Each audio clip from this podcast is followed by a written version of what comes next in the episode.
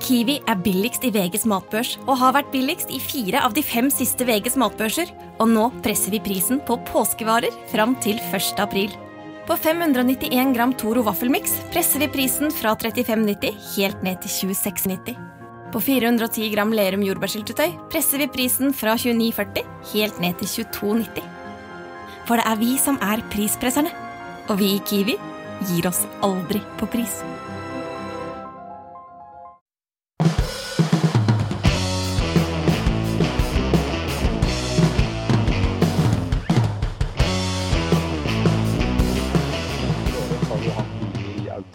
Carl Munthe Kaas i Oda, eller formelig known as kolonial.no. Takk. Takk for det. Dere har jo det til felles at dere begge har fått inn japanske Softbank som aksjonær i løpet av den siste uken. Det er jo verdens største investor innenfor dette sånn tech-startup-miljøet. Det må jo være eh, eh, en fantastisk spennende investor å få inn. Men eh, før dere kommenterer noe mer på det, så Petter, vær så god. Ja. Jeg må jo bare teste risikoprofilen på de gjestene vi har her. sånn. Og i og med at begge har vært i stormkastepanelet, stormkastpanelet, så vil jeg gjerne stille med følgende problemstilling. Hver av dere har 40-50 milliarder. Vi kan være litt av et slingring. De sier at dere har 45 milliarder. Så står dere overfor følgende situasjon. Dere kan kjøpe hele Kahoot, som er prisa til sånn 40-50 milliarder. Eller dere kan kjøpe halvparten av hele det børsnoterte Orkla, som har i dag PE på 17 og 3,5% dividendegild. Altså ganske kjedelig prising på et ganske kjedelig, men bunnsolid selskap. Hvor putter du dine 45 milliarder? Kan begynne med den med høyest risikoprofil her, sånn jeg ser det. Da begynner vi med Carl. OK. Ja, um, Spenstig start. ja altså nå, nå, jeg, jeg, jeg gambler jo ikke, så jeg skjønner ikke helt hva du mener med risikoprofil, uh, Petter. Men uh, uh, ja, altså, jeg, jeg, tenker at begge deler er en gamble. da. Jeg, for helt ærlig så, så, har jeg ikke peiling. Det, Orkla må jo nå slutte å prisdiskriminere, jeg vet ikke om du har fått med deg det. Men da, da spørs det jo hvor lenge de klarer å å, å, holde, å, holde, taket på, på, på norske dagligvarekunder. Faen, jeg glemte kan, at du nesten var en konkurrenter i. Altså det, det, det, jeg, jeg, jeg, rest my case. Um, så jeg, kan jeg kanskje svare neither, egentlig? Altså ingen av dem. Ingen av, dem. OK, da, da, har vi eh, Karl Johan, hva har du putta penga i? Du kan ikke putte i autoseren. Nei, jeg forstår det, for da hadde jeg gjort det. Men, men jeg hadde sikkert prøvd å fordele litt på begge to, kanskje. da. For det ene har kanskje mer potensial upside, men noe større risiko. Og jeg eh, prøver alltid å balansere risikoprofilen og, og avkastningen. Så jeg ville sikkert prøvd å tenke på det i en porteføljesammenheng. Jeg tenker Det som er den viktigste lærdommen av denne innledningen på praten, Petter, det er at man må snakke gjestene varme før man setter dem opp mot veggen med sånne ukomfortable spørsmål. Men det, det er ikke noe opp mot veggen. Altså, det er jo, det er jo sånn, skal, du, må jo, du, må jo, vite hvilke gjester du har. Og Nå har du tatt den eh, bokstavelig talt softe. Og når vi snakker om soft, Softbank, altså verdens største teknologiinvestor, investerer i et hav av selskaper man kan lese om han eh, sjefen der, eh, Massa Sossi eh, Massa Sånn, eller hva han kaller for noe. Eh, markedsverdi på sånn eh, 1400 milliarder kroner. Eh, eh, børsen delt på Tokyo-børsen. Og største aksjonær i Kahoot. Og ikke minst kjøpte nå 40% av Karl Johans selskap Autostore. Og verdsatte det til, altså hold dere fast, 65 milliarder. Altså det, selskapet fra Nedre Vats. Med, liksom, hvordan er det mulig, Per? Nei, det, La oss spørre Karl Johan, fordi det er jo et vanvittig eventyr. Fortell litt eh, du, Karl Johan. Hvordan er det mulig? Nei, altså det er jo et selskap, Vi har jo et selskap som er i en utrolig spennende bransje. Det er et marked som eh, per i dag, eh, hvis du ser på lagrene i verden, så er mindre enn 10% automatisert. Og vi tror at i løpet av de neste 30 årene så skal kanskje tre av fire lagre være automatisert. Det betyr at vi er et marked som kommer til å vokse med to, to digit hvert år i 30 år. Eh, og I tillegg så er vi støtta av en god del megatrender hvor e-commerce er den viktigste. da. Mm. Og Det fører jo til at eh, det, vi har store forhåpninger om sterk vekst. Vi har hatt veldig sterk vekst gjennom eh, de siste ti åra. Og vi tror at den veksten den kommer bare til å fortsette framover. Og det ligger jo selvfølgelig til grunn i en sånn sammenheng. Samtidig er vi jo et selskap som ikke er et typisk vekstselskap, kanskje, da, som du ser på børsen. For veldig ofte så vokser de, men de har kanskje noen år til de skal tjene penger. da. Men med Autostore er det jo sånn at vi tjener godt med penger, og vi har solid cashflow. Så vi, vi, vi, treffer egentlig på alle elementer. da. Ja, fordi dere har, vel et, eh, dere har vel et overskudd på en 750 millioner kroner eh, per nå, stemmer ikke det? Ja, altså vi har en EBTA, eh, på, som, EBTA. som, ligger i overkant av 50 da. Ja. Så, Men det, det, bare, bare, bare trekk pusten her. Altså, de dere omsetter for 1,7 milliarder og har det, og så det, sier du at det er omtrent 750-800 millioner? Ja, altså i fjor så var det jo et, eh, et flatt år eh, i forhold til 2019. Men det viktigste er jo at eh, det blir jo mye mer i 2021. For nå er vi jo mm. tilbake på kraftige veksttall på 50 pluss. Kan jeg, bare sånn at vi skjønner litt hva det er dere lager. Jeg, kan jeg prøve meg på en veldig sånn forenkling av eh, robotene deres, og så kan du korrigere meg etterpå? Ja, det går bra. Fordi, er det ikke sånn at i et lagerbygg så lag, har dere sånne gridder i taket, altså sånne uh, ruter nærmest i taket, hvor roboter henger i, og så styres de og går ned og plukker varer i ulike bokser nede på, på hyllene? Jeg må jo korrigere deg litt. Ja, for, det, for, det, for det, det, er en grid som står på gulvet, altså en aluminiumsprofiler. Og inni denne griden eh, der plasseres det kasser som står tett i tett. Og oppe på den griden så er det da kjøreskinner for robotene. Så robotene kjører oppe på den griden da. Mm. Eh, at, eh, og, og henter kasser eh, til og fra plukkestasjoner. da. Så det henger ikke i taket, men det går oppe på griden. da på, på kjøreskinner.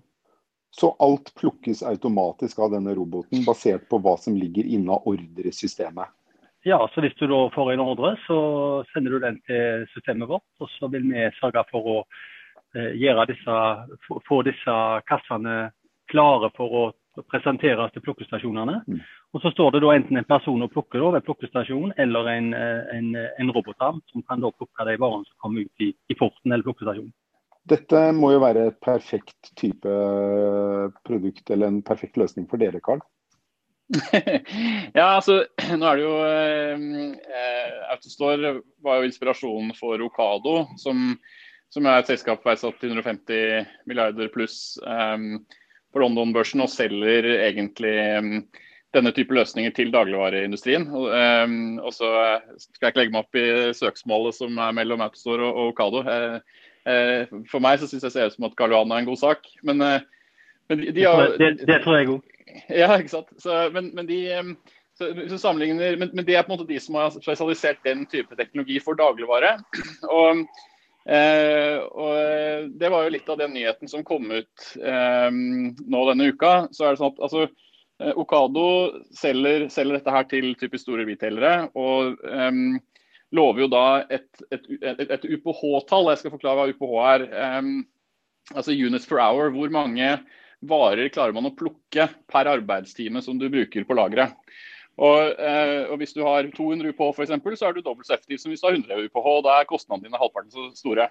Okado var kjent som måte, verdens mest effektive dagligvareautomasjon. Eh, men typisk ganske dyrt. altså eh, Gjerne flere hundre millioner i, i eh, investeringskostnad for et lager. Og De lovet jo da eh, at man skulle kunne klare å oppnå 200 på, men de, de hadde ikke oppnådd det selv.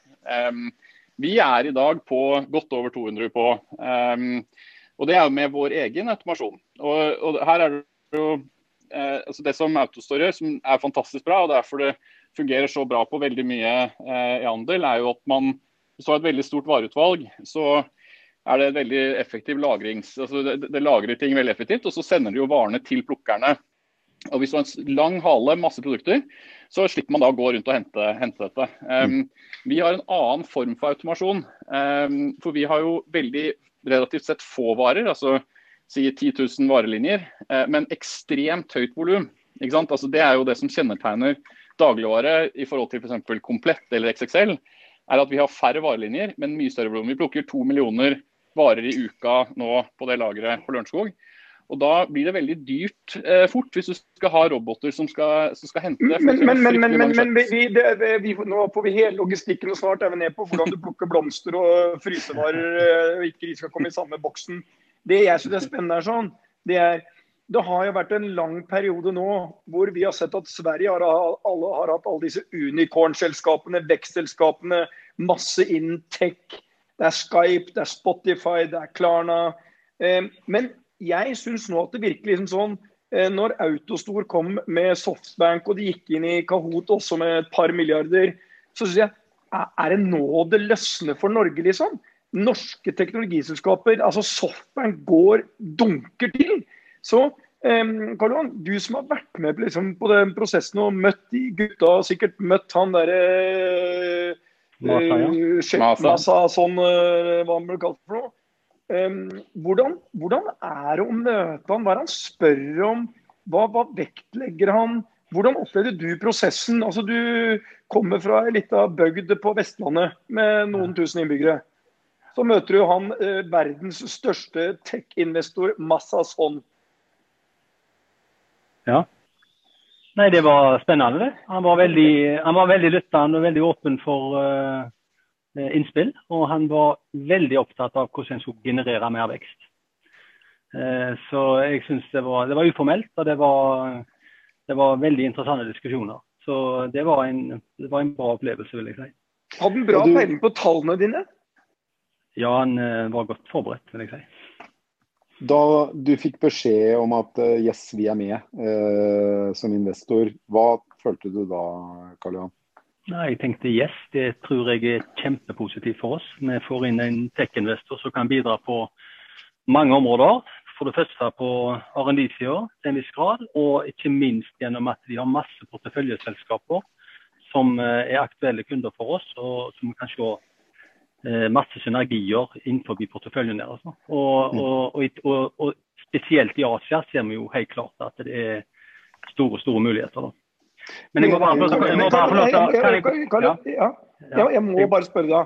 Det, nå, uh, vi, vi hoppa helt over. Jeg lurer på, Det er ikke bare sånn at du tar opp telefonen og ringer og sier er det mulig å få prate med uh, Massa sånn?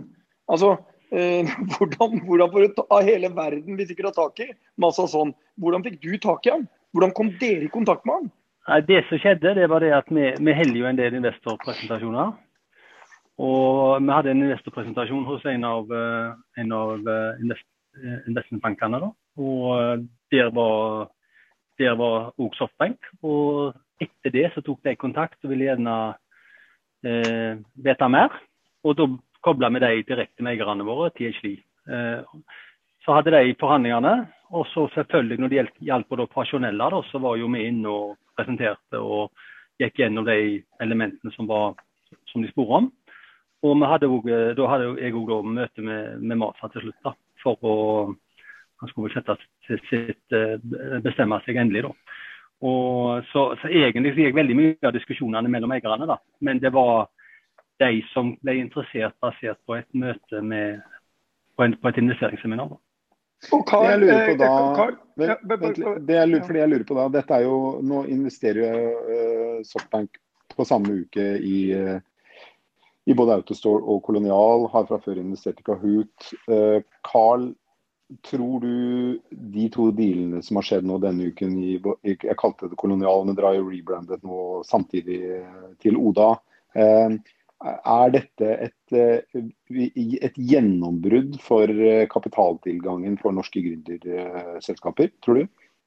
Eh, jeg tror det er et gjennombrudd for kapitaltilgangen til Autostore og til Oda. jeg, tror, med, men jeg, jeg, tror det er tilfeldig, da. Jeg, jeg, vet det er tilfeldig. Eh, altså, så, så eh, sa, DN spurte jo det samme. Jeg synes det er litt sånn morsomt når disse tingene skjer, så er det ikke sant, man er like det er som når uh, Horst Tappert sier han er norgesvenn. ikke sant? Så Det syns vi er viktig. ikke sant? Masa er ikke noe norgesvenn. Han er en venn av Autostore, uh, Kahoot og, og, og Oda. Um, dette handler om selskapene han har investert i. Um, det er ulike team som har gjort disse dealene uh, også. Um, så, Men det sender vel et signal Carl, til, også til andre investorer om at det er spennende selskaper å investere i Norge. Litt som når, en, når Aaland, nei, når Erling Breit Haaland er på radaren til alle fotballklubber, så vekkes jo interessen for andre norske fotballspillere også. Det er vel litt det samme med gründerselskaper, er det ikke det? Det, det, det, det, kan det jo selvfølgelig være. og Man danner jo et nettverk. og, og Vi har jo satt Kinnevik i kontakt med, med, norske startups og sånt nå også. Så, så det, der kan absolutt være en effekt. Men først og fremst så, så handler dette om at det er mye bra selskaper som dukker opp i Norge. Eh, og eh, Hva det kommer av, det kan man jo sikkert lure på. Men vi, vi hadde jo um, altså selvfølgelig Kahoot har jo vært en, en kjempekule på børs. Autostore åpenbart. Spacemaker. altså det er liksom uh, remarkable. Du du har skjønt mye bra selskaper, og det, uh, og det tiltrekker uh, bra investorer. Og jeg er jo litt sånn samme, samme som Karl Johan. altså eh, Måten man kommer i kontakt med Softbank på. Eh, i, I, vårt tilfelle så er det jo fordi at man kjører en kapitalrunde. Vi hadde også kontakt med investeringsbank. Eh, de, de, går ut og, og, finner de investorene som er interessert i dette området. og selvfølgelig hadde vi vi hadde jo to investorer på, helt på topp på den ønskelisten. og Det var Softbank og, og det var Prosus. Eh, og, og, og, så bare klaffet det, ikke sant. Og, eh, så diskuterer man, og så blir man enig om pris, og så blir man enig om kapitalallokering. Eh, men, men, det er jo kjempekult selvfølgelig at vi får unicorns i Norge etter hvert. Og ja, nei, det kan jo helt klart gjøre at folk våkner opp for det. Vi vil jo gjerne, det Per og jeg er opptatt av, det at det skulle vært en sånn at Masason egentlig elsket Norge. At han kom inn her på en sving, bodde på det TIV, uh, traff liksom Karl Johan der sånn og tok en øl og kjøpte 40% av det. Og så skulle han bestille mat pga. Liksom karantenen. Så måtte han få levert det på døra, og der kom Oda svingende inn. Faen bra, tenkte Masa sånn. Og så jeg tar vel da en svært chunk av det er på et par milliarder. At han ble en sånn ordentlig norgesvenn, ja. sånn at han sto der med norgesflagget og spiste, ja, spiste og... geitost i lusekofta fra Oda. Men sånn er det ikke. Det de beskriver, Per, er beklagelig nok rene kapitalister som gjør vurderinger av selskaper uavhengig av hvor de er, eh, bare de er bra. Og Her har vi to bra, men skal vi ta på noen spørsmål? Det er masse eh, ja, man har lyst til å spørre om. Du, vi har en uh, Pauline Grønningsæter. Skal jeg se om jeg klarer å hente opp henne. Uh, det er alltid litt spennende om det går. Er du der, Pauline? Det gikk ikke på første forsøk. Vi prøver en på andre. Jeg er glad du styrer dette greiene her. Eh, du, det er så ustabilt dette systemet på Clubhouse. Ja, men det er klart Når du sitter inne på toalettet og styrer Clubhouse, eh, så blir det ikke lett. Pauline, jeg gjør mitt absolutt beste her, det kan jeg forsikre deg om, men eh, det ser dårlig ut. Um, OK, Carl. Hva, hva, har du møtt uh, Masa Son? Absolutt. Hvordan opplevde du ham? Nei, han er jo eh, hvis, man, hvis, man, har lest litt om han og sånn, så, så syns jeg han er true to character. Sånn. Altså, han er jo kjent for å være ekstremt fremoverlent. Um, vi, vi, det er klart at når du, når du, til slutt møter han, så har jo teamene ofte gått gjennom veldig mye. ikke sant? Så han kommer ganske godt forberedt. Eh, I vårt tilfelle så, så, har de veldig inngående kjennskap til noe som heter Coupang i, i Sør-Korea, og, um, og, også flere andre e-handelsselskaper. DoorDash i USA, som de børsnoterte på 50 milliarder dollar.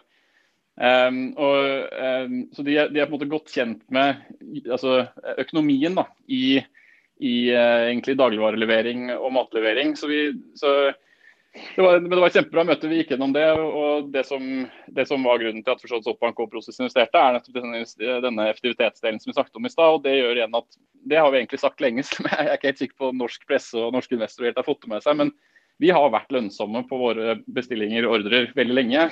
Og hatt en kjempeutvikling på det. Så, det, så, så han, jo, han, hadde ekstrem detaljkunnskap på det. og og likte det. Og hans beskjed var vel bare at liksom, dette her er jo en, et vanvittig utgangspunkt. Vi må, vi må bare ta så mye, erobre så mye av dette markedet som, som overhodet mulig. Og vi snakker jo om et 30 000 milliarder eh, marked da, i dagligvare i bare eh, USA og, og Europa. Vest-Europa. Men, men, men Karan, et spørsmål. Um, fremoverlent og uh, alt det her. Så hvor mye aksjer har du nå i det selskapet etter den siste prisingen på 7,5 milliarder, var det det? Ja, nei, Jeg, har, eh, jeg sa jo sist når jeg snakket med deg at eh, jeg hadde for 120 millioner, så kan du jo gange det med 5,7. Så stemmer vel det sånn noenlunde. Og du, øh, hvordan er det gøy? Oda? du kan bare kalle meg Oda. Nei, jeg har 6,6% av 7,5 milliard. Halv milliard? Ja. Det er jo bra, det. Ja, det er bra, det. men, det er bare, det, men vi har jo fremdeles muligheter for å videreutvikle dette, da, sånn som jeg ser det. Så. Ja, men, jeg må, jeg må, jeg må få, men kan jeg få lov til å gi en kommentar til Karl? For hans, eh, jeg er jo helt overbevist om det at når han eh, vokser mer og får mer volum så er han nødt, nødt, til å tenke mer automatisering her nå. Så det er bare et tidsspørsmål for han tror jeg, før han, før han kommer der. da. Men, vi, vi, er, vi, er, jo fullautomatisert. Altså, vi, vi, er jo akkurat like automatisert vi som, som den Okado-modellen. Um, men uh, vi er en annen type automasjon. Men, uh, men uh, Hvilken automasjon har du da? Nei, Vi er jo vi er samlebåndbasert. så vi gjør det i stedet for altså Mye av det som det der som her er å unngå at folk skal gå. Det er det, det, er det hensikten med så, sånne goods to man-systemer. Det finnes jo mange former, men det, det handler jo egentlig om at varene skal komme til plukkeren. Det er flere måter å, løse det på. Eh, og Vi har vår egen unike eh, automasjon, og den er jo vesentlig mer effektiv enn en Okado. Eh, så Foreløpig så ser jo ikke vi helt behov, men her er jo det som er vakkert. da, altså jeg vil jo si at Om noe så er jo på en måte Autostore eh, og kolonial- eller Oda-teknologi er jo egentlig komplementær. Altså Vi er lav, lav capex, men ekstremt effektive på på, på eh, lavere antall SKUs, mens Autostore er jo, hvis du skal ha 100 000 varelinjer, så er jo Autostore helt suverent. Så det, det er mer et spørsmål, Jeg tror ikke det handler så veldig mye om volum, men det handler vel mer om hvor mange varelinjer, hvor mange kategorier vi tar inn. Nå har vi tatt inn Claes Olsson. Tar vi inn sportsutstyr eller klær, elektronikk osv., da, da er Autostore ganske aktuelt for oss. Det vi ser i USA, i fall, er jo at de store kjedene da, som, som eh, pusher mer og mer over på, på, på internettsalg, de, de, er nødt for å løse det gjennom automatisering. Det, det er veldig push på det. da. Jeg har plukka, plukka på lager selv jeg for bokklubben uh, way back da jeg studerte. og jeg tror En ting er at det tar jo veldig lang tid å plukke uh, en, en, ordre, men en annen ting er jo at hvis jeg hadde en dårlig dag, så kanskje jeg glemte en bok som var bestilt. og så Eh, blir jo det svært fordyrende for bokklubben, fordi de må da håndtere kundeservicen i etterkant. så liksom, Du blir aldri ferdig med en ordre. Eh, er det en stor del av gevinsten ved automatisering av lagerplukking? Det at du, du reduserer feilleveransene eh, vesentlig, sånn at du slipper å rydde opp etter en leveranse? Jeg vil si du, du, du, ja da, du reduserer feilplukk, og du sørger for en mye mer effektiv utnyttelse av uh, folkene. da. Mm. Men se for deg Men å sammenligne en halvsløv, litt umoden hvalbrokk i ung alder med Discman som går der og ikke ser forskjell på Jørn Lier Horst og én mann av Oceana Falaci. Altså, det blir jo Du vet at det der går galt, vet du. Ja, ja, og for meg var jo bonusen det var jo å stjele til meg litt tid på trøkken og spinne rundt på lageret. ja, uten trøkkbevis. Uten trøkkbevis. Men, vi, må, eh, eh, vi må vel er det, er det, noen nede i salen, jeg vet ikke, det er du som har det som vil ja, spørre? Men, ja. men, vi har en annen. La meg prøve med Olav Erikstad, se om det går bedre med han, da. Uh, jeg trykker på, trykker på dem, og det står ikke på viljen her. Ja, er du der, Olav? Nei, det går ikke. Nei, da kan jeg stille et spørsmål som om jeg var plukket opp fra salen. Mm. Um, og jeg kan begynne med jeg, egentlig til uh, Carl, uh, altså Munterkås. Um, hva tror du um, liksom, Hvor modent er fordi det er din liksom uh, motsetning til Autostore, så har du det viktigste markedet ditt er fortsatt Norge. Hvor modent er det norske markedet for netthandel versus liksom, det europeiske, fra ditt ståsted? Ja, nei, altså, eh, Norge eh, generelt, netthandel i andre kategorier enn dagligvare, så, så er jo egentlig eh, de vesteuropeiske landene overraskende like. ikke sant? Altså Finner, tyskere, briter eh, kjøper eh, ganske like eh, mye egentlig av, av, varer på nett. Mens, men dagligvarer varierer veldig. da, ikke sant? Så det er, jo der, der britene er langt, langt foran. Og i forhold til Storbritannia så er Norge langt bak. ikke sant? 2 markedsandel, Storbritannia 13% markedsandel. Så det er masse masse, masse vekst igjen i Norge. Men hvis du ser på Tyskland, da, så er jo andelen en halv prosent ikke sant, av fullsortiment dagligvare. Altså Den største dagligvareaktøren på nett i Tyskland er Reve, som er et supermarked. Og de er ca. like store som vi er i Norge. Så det er, Oi, ja, ja. det er store det det er masse potensial. Det er derfor vi også skal til utlandet. Um, og det var jo satt i gang av dette gjennombruddet som vi hadde i 2018 og 2019 da, på, Men hvis du, hvis, hvis du ser, for dette betyr mye også for eh, Karl Johan og Autostore. Hvis du ser hvor stor prosentandel går i dag i nett, gjennom nett, og hvor, er- hvor er vi om ti år? Jeg, hvis jeg, altså, jeg må snakke for dagligvare, da, fordi, men jeg, jeg, jeg tror jo at det er den andelen vi ser i Storbritannia, 13% den er jo også stigende. og det som er virkelig det spørsmålet er at Dagligvare på nett er fundamentalt sett mer effektivt faktisk enn butikk. Det er det jeg tror folk ikke har Du har ikke retur. Ja, du har ikke Nei, du har, altså, det, det er masse ting du sparer. For eksempel, det at vi, vi omsetter jo for 50 supermarkeder på ett sted. Ikke sant? Så hele oppstrømslogistikken den er mye mye, mye mer effektiv. Eh, Frukt og grønt, eh, bakeri, alt dette her er det jo ikke noe svinn på, f.eks. Oppstrøm eh, er innkjøp og lager, ikke sant? Ja, det er på en måte mellom bonden og lageret. Eller Mm. Orkla og lageret. Så Der er det store besparelser. Og så er det da selve lagerdriften som er utrolig viktig. For der kan, der kan du svinge liksom 15% av topplinja, som i dagligvare er veldig mye. Eh, og der, Hvis du er supereffektiv der, så klarer du faktisk å dekke kostnaden av distribusjonen med det du sparer oppstrøms og på lageret. Og Da begynner man å snakke om hvor mye er folk egentlig villige til å betale ekstra for å gå i butikken. Ikke sant? Eh, for å få et, eh, et dårlig utvalg, når du kan få et hypermarkedutvalg på nett ikke sant? med varer som ble plukket eh, ut av jorda ikke sant? En dag eller to før. Så det blir jo, det blir jo rett og slett fersk. Ja, er kolonial da nedstrøm? å gå i butikk for. og Da tror jeg man kan se 30-40-50 av markedsandeler. Men det man må bygge det krever en enorm infrastruktur. ikke sant? Så det er, masse, det er en kjempejobb som gjøres. Vi må bygge en svær, et svært system for å, for å håndtere det. I, Men hvis du ser på bare- dere ja, Men bare for å si en ting, da. Hvis du ser på, på internettandelen av, eh, av eh, f.eks. i USA, da, så har jo covid-situasjonen eh, akselerert denne utviklingen veldig. da. For Han var jo 3 i USA før covid, og nå var han 10 eh, den siste statistikken jeg så. Og det er jo, og det er jo Folk har jo endret kjøpevaner pga. Eh, covid-situasjonen, og det tror jeg ikke kommer til å gå tilbake. Jeg tror det bare vil akselerere med mange år, den utviklingen av andel på e-commerce-salg i forhold til totalen. Karl, dere har jo planer om å starte opp i både Finland og Tyskland. eh, Finland i år og Tyskland neste år, stemmer det? Er det med, starter dere da med altså Jeg beklager at jeg, jeg sier jo kolonial og Oda om hverandre, men, men jeg, tror alle Det er skjønner poenget.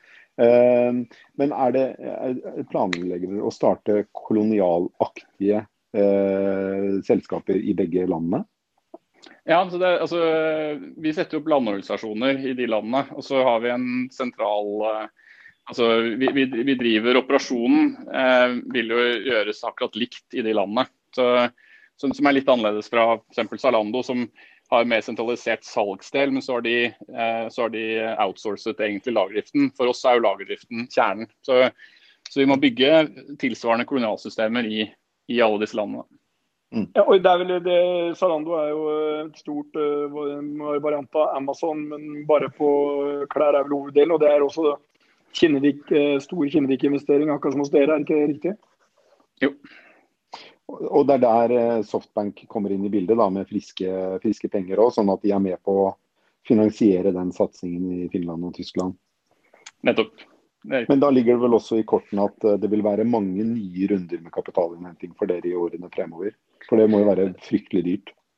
Ja, ja, helt klart. Det er ikke noe tvil om. Så, og, og jeg kan jo, altså, er noe vi kunne reist mye mye mer kapital denne runden her hvis, hvis det var det vi ønsket. Um, grunnen til at du deler det opp i runder, er jo fordi at du, uh, du ser en utvikling imellom. Altså, hvis, du, hvis vi ser historisk på korona, så er jeg jo veldig glad for at vi ikke hentet penger altså at vi hentet penger relativt hyppig, ca. en gang i året. Hadde vi hentet så flere år av gangen, så ville man blitt utvannet. da. Men eh, men eh, nei, det kan jeg jo, altså, Masa gjorde jo for så vidt ganske klart i callen at eh, det er bare å plukke opp telefonen. Så, så jeg, jeg, tror- jeg, tror ikke vi, jeg Jeg, jeg, tror vi har den kapitalen vi, vi trenger, selv om vi må ta en flere runder.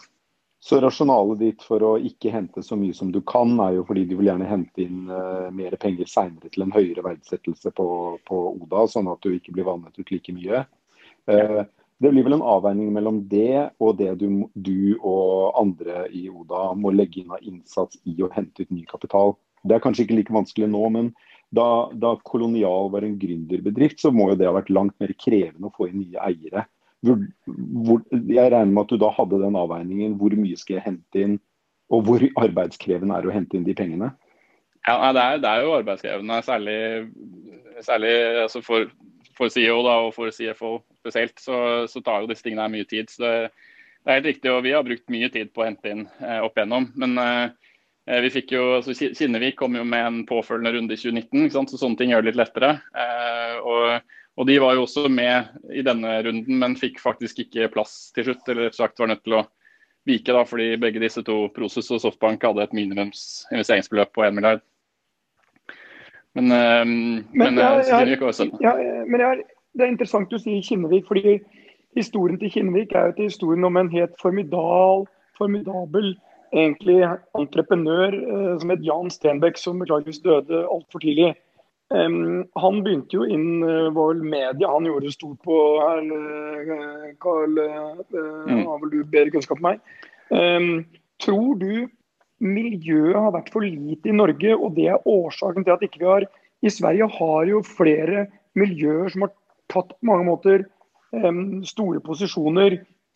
Det er ikke uten grunn at Stenbeksfæren med Kinnevik var de som gikk inn i Solando tidlig og mm. gått inn tidlig hos dere. Og så plutselig kommer Softbank uh, med masse sånn og dunker til, liksom. Er, er, altså, det er jo litt mangel Jeg vet at du har noen norske investorer også, men det er litt mangel på de store, lange pengene i Norge, eller uh, tar jeg feil? Når jeg har sterke meninger om altså, det, vi, vi, er desperat i, i, Norge så er vi desperat behov for eh, sterkere venturekompetanse og sterkere eh, venturemiljøer. Altså, det som er påfallende, ikke sant, at sånn som Kinnevik, de, de er jo en ganske stor eh, organisasjon. ikke sant, 40-50 eh, personer som, som, gjør analyser, makroanalyser. Jeg husker at når vi møtte dem, så, så var jo de på utkikk etter dagligvare på nettselskap. og, og når du da treffer Eh, på, på, de, på de punktene, så, så, så, gikk ting veldig fort. I Norge så er litt av problemet at det er store formuer her, selvfølgelig, men veldig mye av det er fordelt på litt små tuer. og da, da får du litt sånn små organisasjoner som jeg tror jobber altfor reaktivt. Det blir på en måte sånn opportunistisk. De får inn selskaper, og så sier de ser dette bra eller dårlig ut. Og poenget er at For å forstå venture, så må man veldig dypt inn i selskapene. Du må skjønne markedsdynamikken. Du må ha formeninger om hvor stor dagligvare på nett kommer til å bli i Norge og i verden. Du må gå inn og skjønne hvordan operasjonen fungerer, for å se hvordan kan dette forbedres, kan dette bli lønnsomt. Det er helt umulig å gjøre de analysene fra utsiden. Og det er også egentlig ganske vanskelig å gjøre dem raskt. Og det er klart Hvis du sitter med en, et familiekontor da, og forvalter noen milliarder, så, så, har du på en måte ikke eh, tid til å bruke så mye ressurser for å putte inn på en måte 50 millioner. Det man trenger er fond i liksom 50 milliarder-størrelsen. Men, men, man kan bruke tid. Karl, dette, dette, er en helt egen diskusjon, men ekstremt spennende både til Karl Johan og til deg. Hadde det vært en variant, hadde det vært liksom, kunne det vært en tanke å lage et alternativ Innovasjon Norge for venture, men ikke med liksom noen få milliarder, men med si 500 milliarder? Vet, ja, ja, absolutt, men jeg, jeg tror bedre enn altså, jeg, jeg, Min oppfordring er jo at dere, dere formuene, og kanskje du, du, Petter også Litt mindre formue nå enn tidligere, riktignok. Ja. at, at, at, dere samler ressursene deres. Sett dem sammen i et fond.